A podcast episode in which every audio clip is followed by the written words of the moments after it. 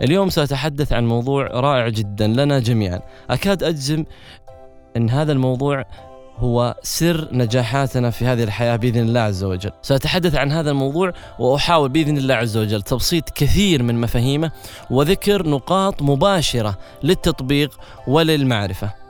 الموضوع هو الثقة بالنفس. جمع الحكماء مفاتيح النجاح في أكثر من مئة مفتاح للنجاح. البعض اختصرها إلى عدد معين إلى أن وصلت عشرة لكن مهما قلت أو كثرت الثقة بالنفس هو المفتاح الأول لأي نجاح للإنسان. بدون ثقة بالنفس الإنسان ما يستطيع أن يقدم أي عمل ما يستطيع أن يقدم أدنى مجهود بسيط. أنه لو تم اختراع حبة الثقة بالنفس فإن العالم سيصبح أكثر سعادة وسيصبحون هم سريعا بلا عمل. لكن ذلك لم يحدث بعد. فإلى أين نذهب لندعم ثقتنا بأنفسنا؟ إلى أنفسنا.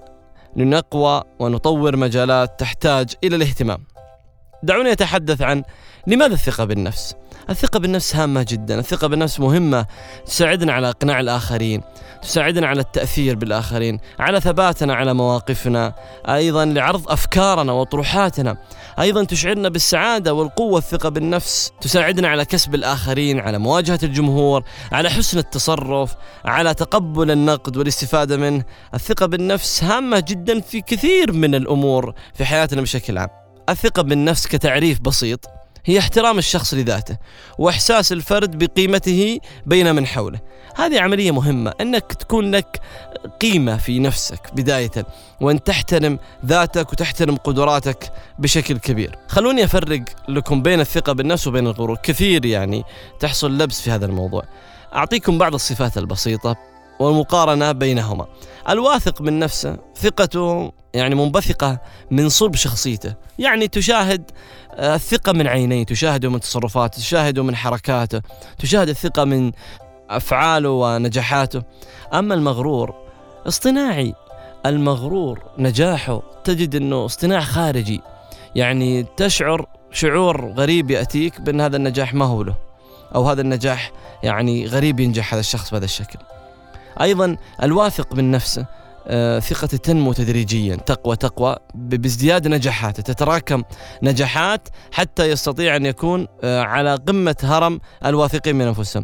لكن المغرور يجني ثمار الآخرين ليتسلق بها. ويصبح إنسان ناجح. الواثق من نفسه إنسان متواضع، في الغالب متواضع جدا، تجدون كثير من علمائنا وكثير من المشاهير الأعلام أو الناس المتميزين تجدهم أناس متواضعون. لكن المغرور هو الذي يتعاظم على الناس ويصعر خده لأن هذا الإنسان عنده نقص في داخله ويحاول يكمله بهذه التصرفات. الواثق من نفسه يقبل النقد، إذا نقدته يتقبل النقد وبالعكس يستفيد منه. لكن المغرور يعارضك ويرفض النقد بشكل قوي جدا. الواثق من نفسه يفرح لنجاحاته ونجاحات الآخرين. أيضا يفرح أن فلان نجح وفلان كسب لكن المغرور يكره النجاح للآخرين. لا يريد أن أحد ينجح لأنه يشعر بنقص. لكن الإنسان الواثق من نفسه يحب نجاحات الآخرين بل يدعمها أيضا.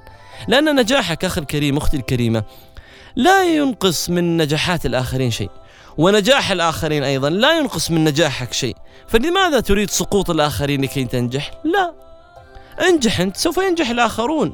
ونجاحك ليس مقرون بنجاح آخرين أو فشلهم. أبدا. سأذكر لكم معادلة رائعة في الثقة بالنفس. كيف أنك تستطيع أن تجلب الثقة لنفسك وللآخرين بمعادلة بسيطة ورائعة جدا بإذن الله عز وجل. وأكملها وإياكم في الحلقة القادمة. شكرا لكم إخواني أخواتي.